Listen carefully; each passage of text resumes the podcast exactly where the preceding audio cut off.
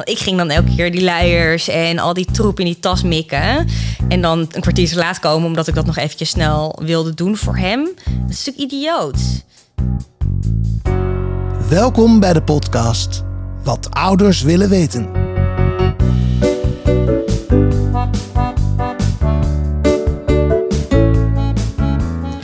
Mijn naam is Nicolaas Duin en naast mij zit Mariette Winsemius.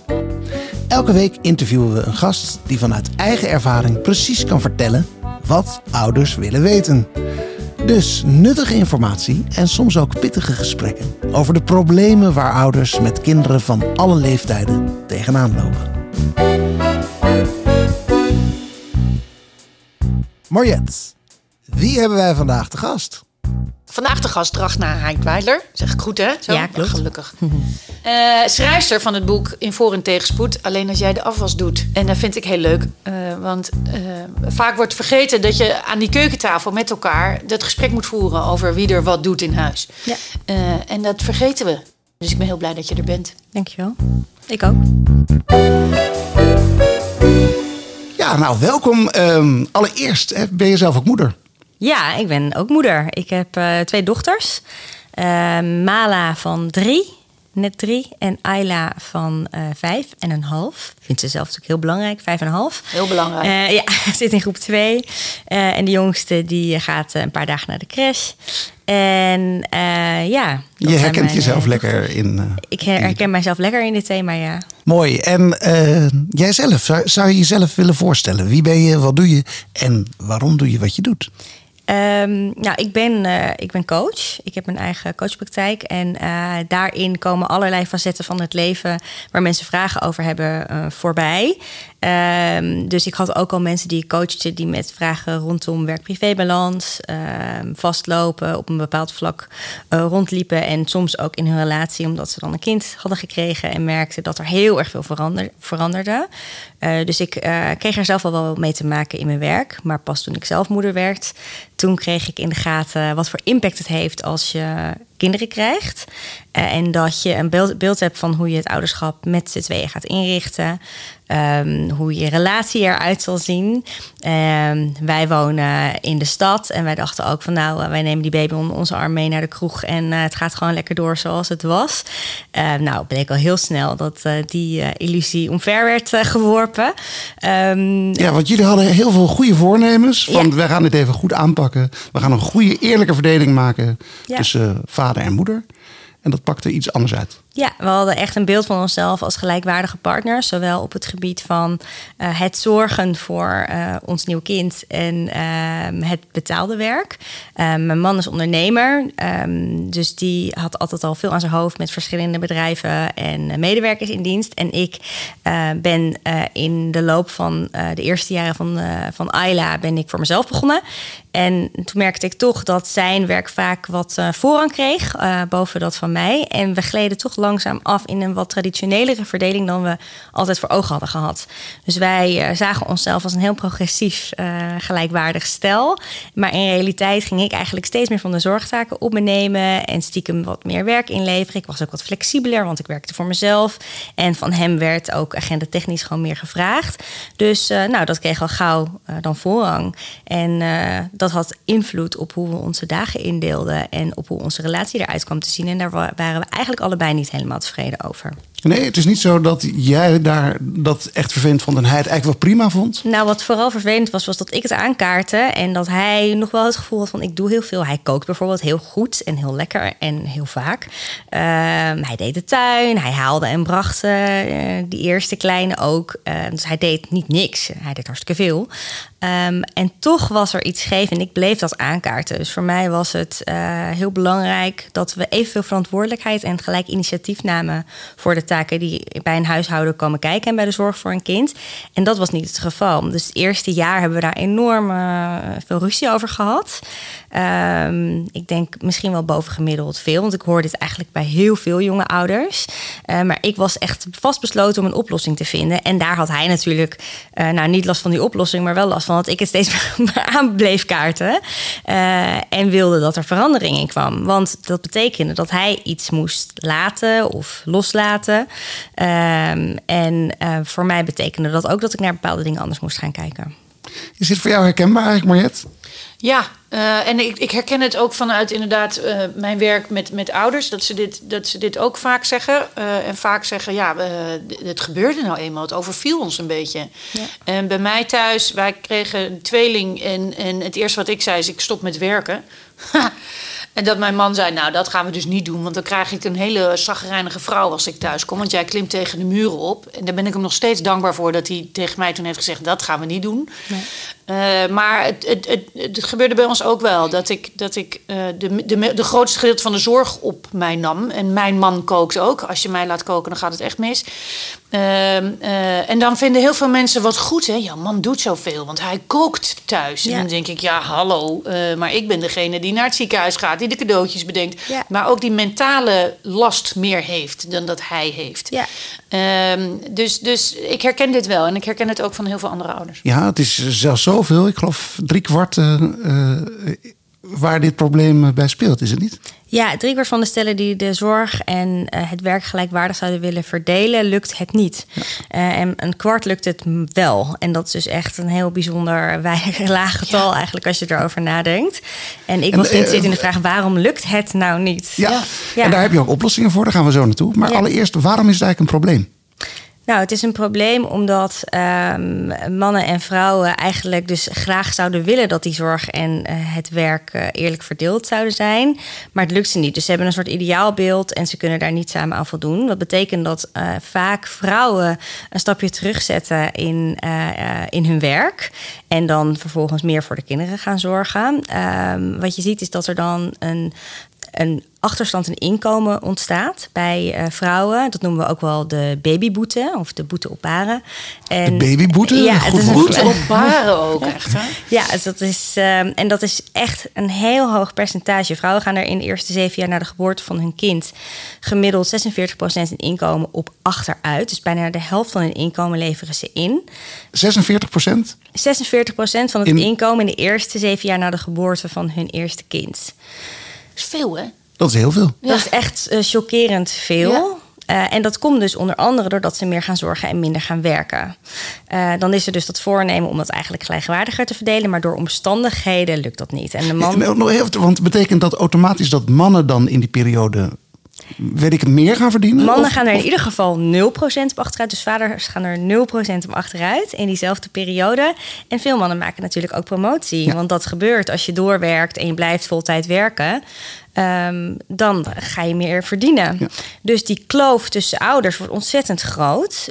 Um, vrouwen in Nederland zijn. Uh, er zijn veel vrouwen in Nederland die niet economisch zelfstandig zijn, die dus niet genoeg verdienen om als uh, het stel uit elkaar gaat, uh, zelf bijvoorbeeld een huis te kunnen bekostigen. Um, en die kwetsbaarheid zorgt ervoor, ja, dat is een heel groot risico. 40% van de stellen, bijna 40% van de stellen gaat uit elkaar. En dat betekent dus dat vrouwen eigenlijk die economische achterstand nooit meer kunnen inhalen. Ja, en daar, maar als ik jou mag aanvullen, het grootste probleem hè, is als je uit elkaar gaat en die vrouw heeft dus die achterstand qua werk, maar dus ook financieel.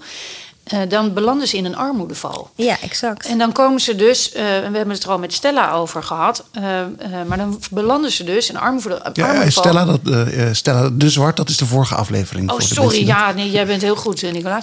Maar Stella die vertelde wat de gevolgen daarvan zijn. Voornamelijk ook voor die kinderen. Dus, dus ja. wij zeggen altijd, je, bent, je zorgt ook financieel voor je kind als je werkt. En financieel voor je kind zorgen is net zo belangrijk als leren eten met mes en vork. Ja, exact. We hebben het zelf over kinderarmoede, maar eigenlijk kun je het ook over moederarmoede hebben. Ja, maar goed, nu, nu is het nu zo helder. Dit is dus inderdaad een probleem. Niet alleen voor probleem. vrouwen, maar ook voor de mannen. Ja, en het is eigenlijk dus een individueel probleem binnen gezinnen. Dus uh, ouders die hebben het, die hebben een voornemen en dan worden ze eigenlijk overrompeld door de dagelijkse realiteit binnen dat gezin.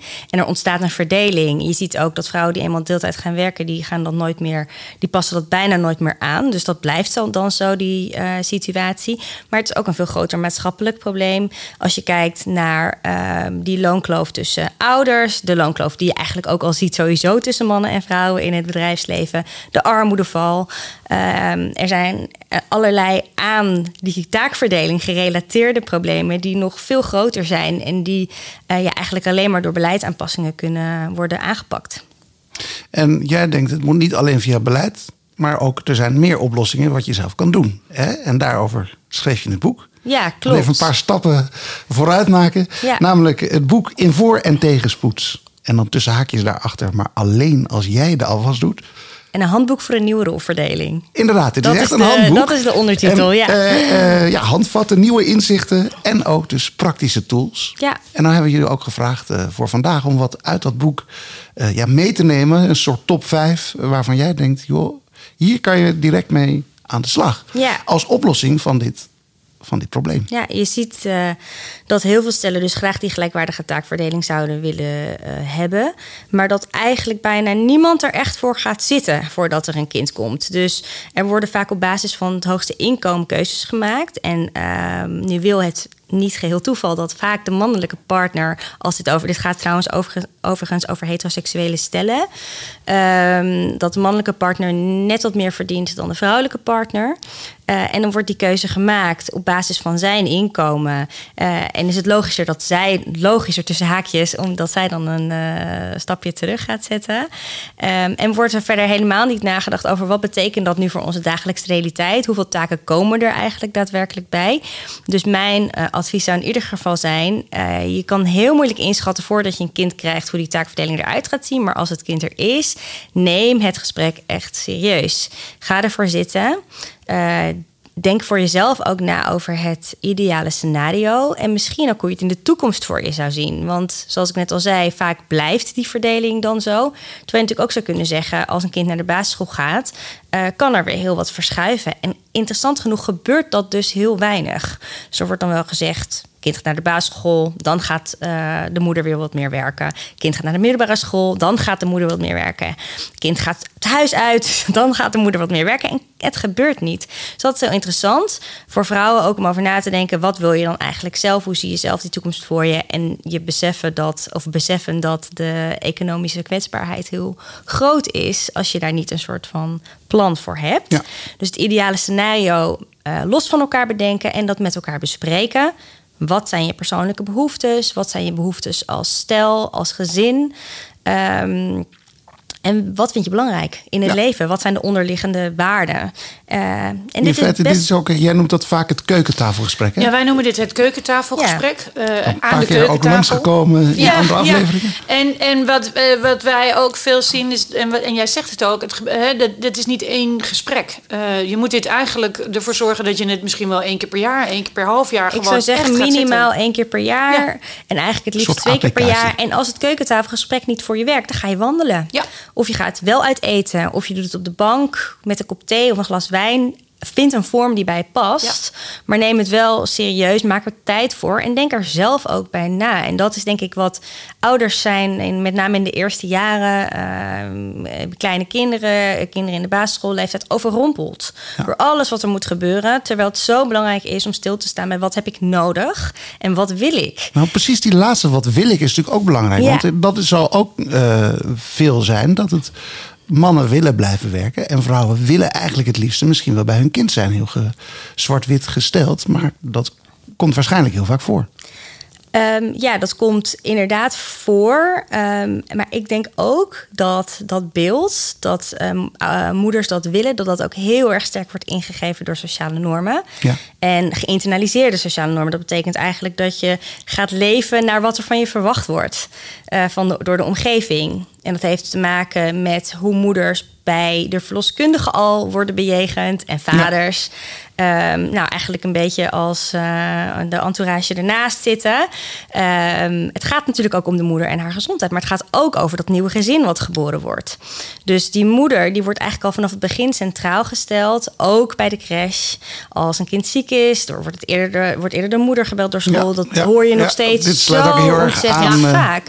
Wat en ook Robin, vanuit de familie. Familie, vanuit werkgevers. Dus uh, schoonmoeder die tegen het schoondochter zegt: Goh, nu komt de tweede. Zou je niet nu toch een beetje minder gaan werken? Want het is toch wel erg zwaar voor jou. Nou, je moet niet onderschatten wat dat met een vrouw doet. Het wordt ook met je, van je verwacht.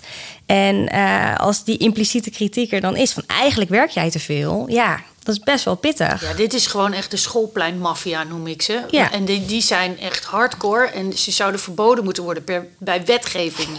Want het is echt naar hoor, wat je ze af en toe als, als, als, als moeder, als vrouw te Over horen krijgt. krijgt. En dan denk ik, hou eens op joh, dat is mijn beslissing. Ja. Uh, uh, maar dit, de, deze moedermafia, schoolpleinmafia, het zijn echt heksen.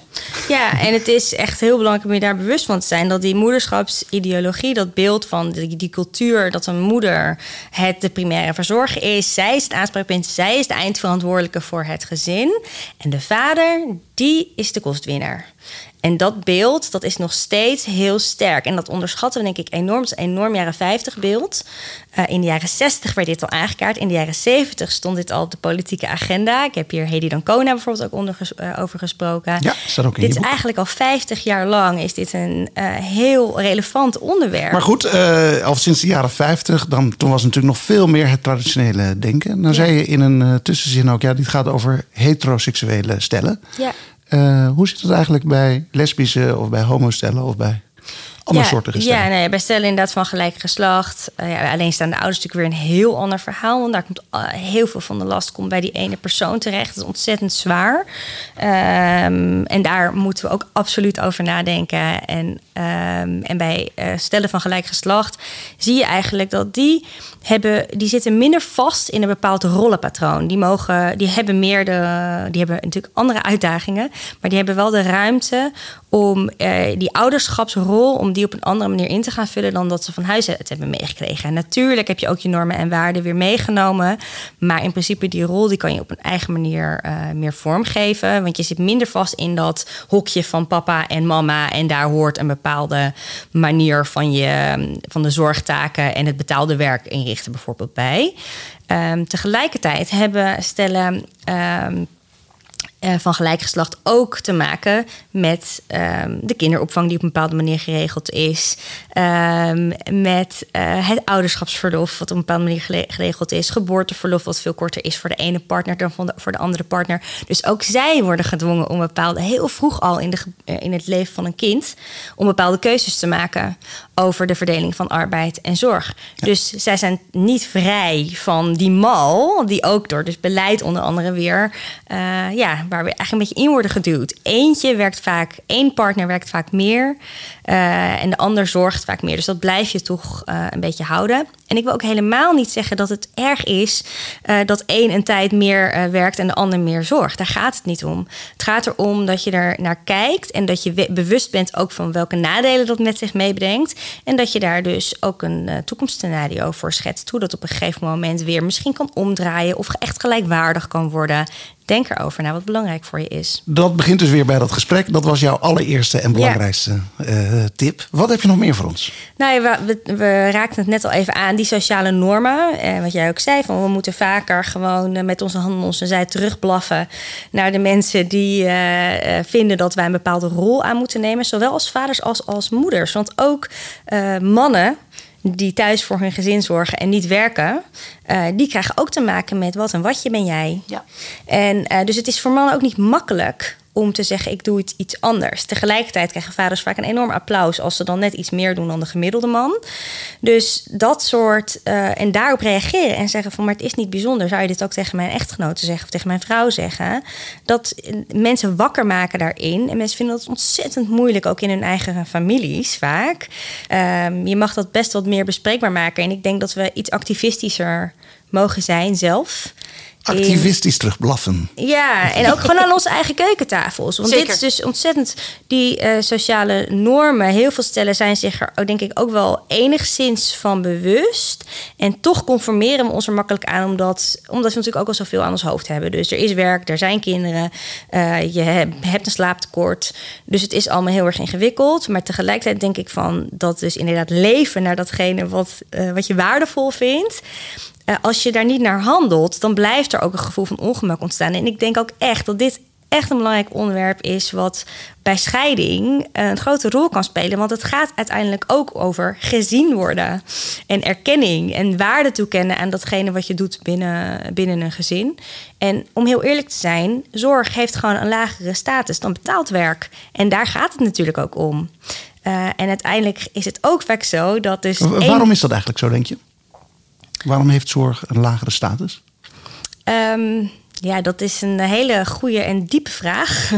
Want eigenlijk eh, ga je dan ja, kijken naar uh, wat voor soort werk is uh, zorg. Dat is eigenlijk uh, werk wat je doet vanuit liefde. Of wat, waar, waarvan wordt aangenomen dat het vanuit een soort van goedheid van het hart wordt gegeven aan de mensen om je heen. En dat is natuurlijk ook deels zo, maar daardoor heeft het ook een bepaalde vanzelfsprekendheid. En um, het is ook werk wat vaak aan vrouwen wordt toegeschreven. Vrouwenwerk. En het is ook, je ziet natuurlijk ook als je naar de zorgsector kijkt of naar het onderwijs. Dat zijn typische vrouwensectoren geworden. En uh, zorgwerk wordt dus nog steeds heel erg geassocieerd met vrouwenwerk. Ja, en hoe is dat ontstaan? Ja, dan, dat is een hele ingewikkelde, ingewikkelde vraag. Uh, want het gaat natuurlijk echt duizenden jaren uh, terug. Ik denk dat het nog steeds zo is dat zorg is vanzelfsprekend, er wordt niet voor betaald. Dat is natuurlijk een reden dat het een lagere status heeft. En betaald werk heeft dat wel. Letterlijk, daar, daar word je ook meteen voor betaald. Dus daar zit, daar zit het al in. Ja, en dan is het dus ook. Ja, en dan als je dus met een mannelijke partner het hebt over de uitruil van zorg en betaald werk, dan zit daar dus ook een gevoeligheid. Want dat betekent dus eigenlijk dat je status moet opofferen om uh, meer zorgtaken te gaan doen. En dit is natuurlijk waar een conflict vaak ontstaat, ook tussen partners. Uh, vaak onuitgesproken, maar het is wel een pijnpunt. Uh, want iemand moet dus iets gaan inleveren. En dit is ook wel punt, want heel veel vrouwen die denken dus ook dus in dat proces van uh, het moederschap. Op een gegeven moment is het ook heel fijn om deeltijd te werken. Dus ook het privilege van meer tijd hebben, moet dan misschien wel ingeleverd worden. Ja, en wat wij ook wel vaak um, uh, terugkrijgen is: je hebt toch zelf gekozen voor kinderen. Uh, maar dat betekent toch niet dat ik dan uh, uh, 80 uur in de week bij ze moet zijn om naast ze te zitten en een hand vast te houden. Um, en wordt het dan tegen jou als vrouw gezegd ja. of ook tegen je man? Nee, alleen nee. tegen mij als vrouw. Dus dat, daar zit al iets in. Uh, maar dit is een vaak gehoorde, ook in de discussie die wij voeren landelijk, uh, wordt dit vaak gezegd: ja, maar je hebt zichzelf gekozen voor kinderen, dan moet je ook voor ze zorgen. Wat, is jou, wat zeg jij daarop? Um, ik zeg daarop dat, uh, nou ten eerste, waarom wordt dat tegen vrouwen gezegd en niet tegen de mannen? Ja, Want eens. het is ook, uh, het is net zo goed dat het kind is voor de helft van hem. Dus het is een gedeelde verantwoordelijkheid. En ten tweede, uh, ook inkomen vergaren hoort bij het leven. Dus erover nadenken, waarom is het de volledige verantwoordelijkheid van een vrouw om die zorg op zich te nemen? Dat verbaast mij. En waarom is het voor een vrouw minder belangrijk om zich te ontwikkelen en geld te verdienen? En um, is het niet zo dat je ook in verschillende fases van het leven op een andere manier kunt kijken naar um, hoe je werkt en zorgt? Want er zijn, en dat merk je natuurlijk eigenlijk voor het eerst als je ouders wordt, dat een kind um, daar moet voor gezorgd worden, maar ook dat je soms voor het eerst te maken krijgt met bijvoorbeeld ziekte, omdat de moeder niet herstelt of slecht herstelt, dat het herstel langer duurt zowel fysiek als mentaal kan dat gebeuren. Dus eigenlijk is het voor de meeste mensen voor het eerst uh, een moment in het leven waarin je merkt... er is een andere verhouding, een nieuw perspectief op de verdeling van zorg en werk. En die fases, die ga je vaker tegenkomen. Als een familielid ziek wordt, een van de partners, iemand overlijdt, er is mantelzorg voor ouders. En in die fases is het heel belangrijk om samen te kijken naar hoe verdelen we die arbeid en zorg. Hoe worden, wordt in onze beide behoeften voorzien en in, in die van het gezin. Uh, en dat gesprek zouden we ook veel meer met uh, werkgevers moeten voeren. Dat is, noemen we de levensloopbenadering. En het is eigenlijk heel raar dat dat niet naast de loopbaanbenadering staat. Hè, van uh, een, een medewerker die komt over de drempel, maar die laat niet zijn hele hebben en houden bij de deur achter. Zo werkt het niet. Uh, en nu in uh, pandemische tijden is dat natuurlijk helemaal het geval. Het loopt volledig door elkaar, het privéleven en het werkleven. Ja. Dus hoe kan je daar op een flexibelere manier naar kijken? Maar ook hoe kan je mensen die die, die flexibiliteit niet kan bieden, bijvoorbeeld in de zorg, hoe kan je die voorspelbaarheid bieden? Ja, wat wij vaak maar, ook... maar geef daar eens antwoord op. Wat is daar op jou? Uh, dit is de. Uh, hoe, nou, hoe dat is een dat heel complex. Uh, kijk, die flexibiliteit bieden kan volgens mij heel simpel door met een medewerker voor uitkijken. Als, er, als je weet dat er een zorgintensieve fase bijvoorbeeld aankomt, omdat een, een medewerker een kind krijgt, met zowel de mannelijke medewerker als met de vrouwelijke medewerker bespreken. Hoe gaan jullie het doen? Deze vraag wordt alleen maar gesteld aan vrouwen. En voor mannen wordt gewoon volledig aangenomen van... nou ja, nu tegenwoordig kunnen ze dan uh, dat uh, extra geboorteverlof opnemen. Doen lang niet alle mannen nog, maar het kan wel. Um, dus maximaal zes weken is een man er dan uit. Uh, en dan komt hij terug en dan is het weer business as usual. Het is niet business as usual. Je hele leven staat op zijn kop. Dus vooruitkijken, een plan maken, evalueren en een nieuw plan maken. Gewoon steeds. Maar daarmee zeg je ook, je, je moet in gesprek met je werkgever. Je en, moet in gesprek met je werkgever. En mannen moeten dat gesprek met die werkgever. Allebei moeten ze dat doen. Ja, daar ontkom je niet aan. Uh, aan de andere kant, het, uh, er zit natuurlijk wel verandering in. Het gaat misschien niet snel genoeg. Maar uh, op het moment van opnemen is net het nieuwe kabinet op het bordes gefotografeerd. Ja. En van de twintig ministers zijn er tien vrouw. Ja, klopt. Dus dat is fantastisch. En natuurlijk is het uh, grote nieuws in december uh, bekendgemaakt dat de kinderopvang grotendeels gratis wordt. Uh, oh, daar heb ik zo hard voor gelobbyd. Ja, nou dat is geweldig. ja. Dat is echt fantastisch. Ja, we hebben een klein dansje gedaan. Ja, een klein dansje gedaan in de keuken. Ja. Nee, dat is echt geweldig nieuws. Uh, ik hoop ook echt dat dat een, uh, iets van de lange adem wordt. En niet een soort experiment uh, waarbij we over twee jaar dan weer zegt... heeft niet gewerkt. Ja. Zodat ook straks zichtbaar wordt wat, uh, wat het voordeel daarvan is. Ik vind het heel leuk om te werken. Want het, het ontwikkelt mij als mens. Dus als je het ja. hebt over normen en waarden.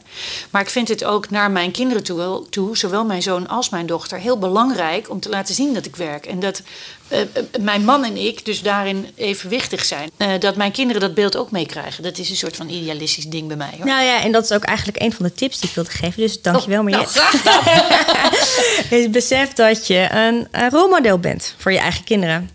En weet wat je voorspiegelt. Dus als jij bepaalde uh, zaken zegt of denkt belangrijk te vinden, zoals uh, een gelijkwaardig partnerschap, en uh, op de lange termijn gelijke kansen voor dochters als voor zonen, uh, besef dan wel dat je bepaalde dingen misschien laat zien um, die bij hun een ander beeld bevestigen. Dus um, ik heb het hier met mijn partner ook over gehad. En hij gaf op een gegeven moment ook aan van ja, ik merkte dat ik toch stiekem meer van die zorgtaken en dat onzichtbare werk, die mentale last, dat hij dat bij mij meer liet liggen. Uh, en pas toen we dat begrip ook kregen van die mentale last, had hij dat eigenlijk in de gaten. En toen dacht hij van ja, maar dit is inderdaad ten eerste niet hoe we het hebben afgesproken. En ten tweede wil ik niet dat mijn dochter dit ziet op deze manier.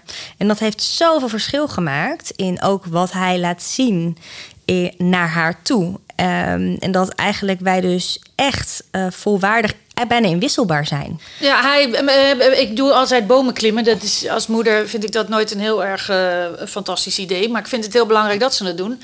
Inmiddels niet meer, ze 15 hè. Maar ik vind het wel. Uh, dus ik kijk je dan weg. niet meer op een boom met ze. Nee, nee, Ach. nee, nee, dat, dat vinden we heel saai, man. Maar, uh, maar jij ik, gaat nog wel, toch? Ja, het liefst. Uh, een hele goede boom hier in de buurt ook. Nee. maar ik vind het belangrijk dat ze dat wel kunnen doen. En mannen zijn dan vaak hè, hoger, hoger. Terwijl vrouwen vaak zeggen: oh, voorzichtig, voorzichtig. Ja, en wat, wat vind je van dat, dat, hoe kijk je daar tegenaan? zouden eigenlijk vrouwen ook moeten zeggen: joh, ga hoger, hoger? Of heb je van dat dat, dat verschil ook uh, belangrijk is? Ik denk dat verschil sowieso belangrijk is. Even los van de stereotype beelden die we hebben van wat, waar vrouwen en mannen goed in zijn. Ik denk dat persoonlijke verschillen ook um, meer invloed uh, hebben. En die verschillen zijn heel belangrijk. Dat nee, is nee, heel ik vraag gezond. het vanwege omdat je zegt van eigenlijk zouden we inwisselbaar moeten zijn.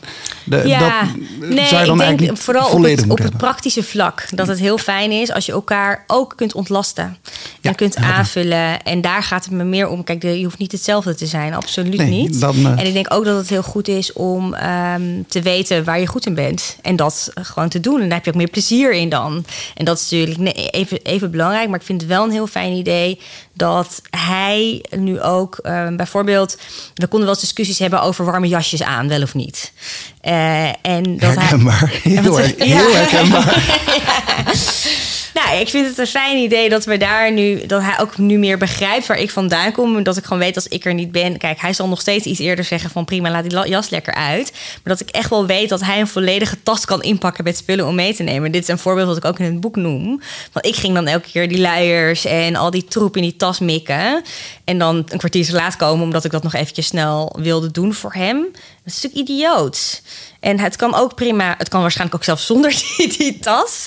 Maar dat loslaten, het durven, de verantwoordelijkheid nemen.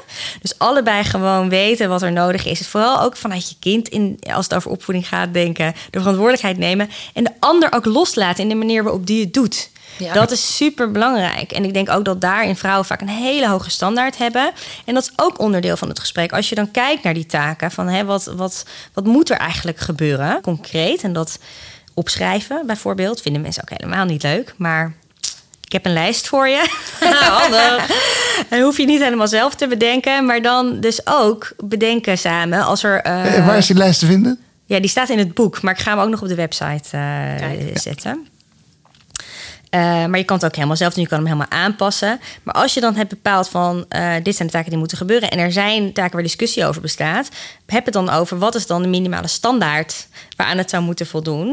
Uh, en daar kan je best mot over krijgen. Bijvoorbeeld over zo'n stom jasje. Of over hoe vaak moet er gezond gegeten worden. Wat moet er in die lunchtrommel. Mm. En dan laat je het vervolgens wel bij de anders. Als die ander dan die taak bijvoorbeeld heeft voor de komende week of voor altijd laat het los. Respecteer ook de grenzen van de ander, want je krijgt er ruimte voor terug. Ja, ik denk dat dit voor heel veel mensen heel herkenbaar ja, is. Ik noem dit het pleisterverhaal bij ons. Want ik heb, ja, mijn zoon viel en mijn man was beneden, vlakbij hem in de buurt. En ik hoor aan zijn huil, ik was boven, dat, dat, dat het best wel een harde val was. Dus ik dender met gevaar voor eigen leven de trap af. Terwijl mijn man dus al mijn zoon aan het uh, troosten was en aan het kijken was uh, hoe het ging. Uh, steek ik mijn handen uit naar mijn zoon en pak mijn zoon eigenlijk af van mijn man, die hier echt prima mee bezig was. Maar ik doe echt een soort van: kom maar bij mij. want ik kan dat beter of zo. Ik heb geen idee. Overtuiging van bij mij is hij beter af. Vervolgens, uh, het was echt een pleisterplak? Dat was het enige eigenlijk wat gebeuren moest. Uh, maar loop ik een uur lang met mijn zoon, terwijl mijn man de krant aan het lezen is. Toen dacht ik, wat heb ik hier verkeerd gedaan? Ik had serieus gewoon boven moeten blijven. Dan had ik die krant kunnen lezen. Het ging om een pleister plakken. Ja, wij zijn nu net precies door zo'n uh, proces gegaan met slecht slapen. Oh. En uh, wij hebben dochters die uh, in fases echt heel slecht slapen. Dus dan na een half jaar elke avond uit bed komen. Oh. en sinds augustus zaten we weer in zo'n fase met de jongste.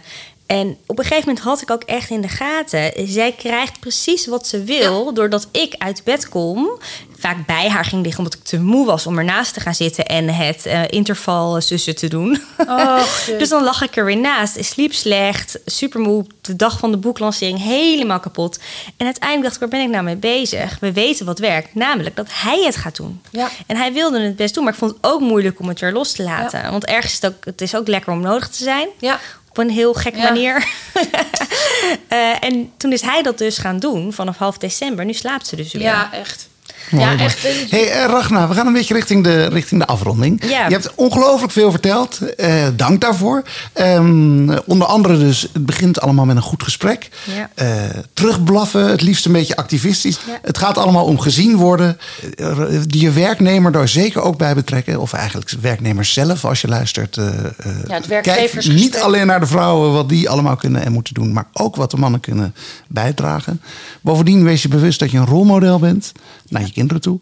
Uh, en voor met name vrouwen geloof ik dat je die bedoelde, laat het ook los. Misschien ook wel voor mannen. Ja. Uh, de verantwoordelijkheid, want je krijgt er ruimte voor terug. Ja, heb het er ook over hoe goed het moet. En uh, laat het dan vervolgens gewoon bij de ander. Hoe ga je het aanpakken en laat het dan bij de ander, laat het los. Ja, en Zijn er nog meer dingen behalve deze, deze snelle waarvan je denkt dat, dat gaan we nu nog even gauw meegeven aan? Ja, ik denk één belangrijke is maak het onzichtbare zichtbaar. We vergeten heel vaak dat bij alle fysieke tastbare taken die er zijn in een leven, dat er ook nog een heel denkproces uh, aan vooraf gaat en tijdens en daarna. Um, en dat noemen we de mentale last. Nou ja, daar hebben jullie het misschien al eerder over gehad. Uh, het staat ook wel bekend als emotional labor. Het zorgen voor het welzijn van anderen. Maar de mentale last is eigenlijk een iets breder begrip. Het gaat over alle coördinatietaken, het aanvoelen wat nodig is. En we denken soms dat vrouwen daar beter in zijn dan mannen. Maar dat komt, denk ik, en dit heb ik ook met hersenwetenschapper Iris Sommer besproken, dat het echt ook conditionering is van uh, vrouwen die daar gewoon vanaf kleins af aan al meer in worden opgevoed. Maakt onzichtbare zichtbaar betekent eigenlijk dat je iemand moet zien dat er iets nodig is. Dan moet datgene wat moet gebeuren, moet ingepland worden. En dat mag in het hoofd, maar dat kan ook in de agenda zijn. En dan moet het uitgevoerd worden. En als je zien, plannen en uitvoeren niet alle drie doet, die alle drie die stappen, dan is eigenlijk die taak niet uitgevoerd. En ik denk dat dat een heel zinvol inzicht is voor um, voor mannen en vrouwen uh, dat er een kop en een staart is aan elke taak. En dat het heel fijn is als je dus ook weer in, in het nemen van die verantwoordelijkheid weet dat je het afmaakt en dat je daarmee uh, ja, je verantwoordelijkheid ineens neemt, maar ook de andere ruimte geeft. Nou, dat lijkt me een hele mooie afsluiting. Uh, wat bij dit probleem, maar misschien wel bij alle problemen in de wereld gelden. Zien en dan plannen. En als derde stap het ook daadwerkelijk uitvoeren. Ja. Ragna, heel veel dank voor je tijd en al je mooie inzichten. En uh, voor alle luisteraars, dank voor het luisteren en graag tot volgende week. Jullie ook bedankt.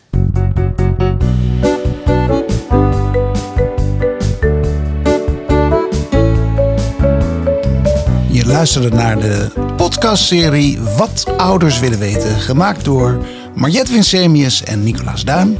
Meer informatie daarover op www.watouderswillenweten.nl. En wil je meer weten over Ragna? Kijk dan op www.wishbonecoaching.com.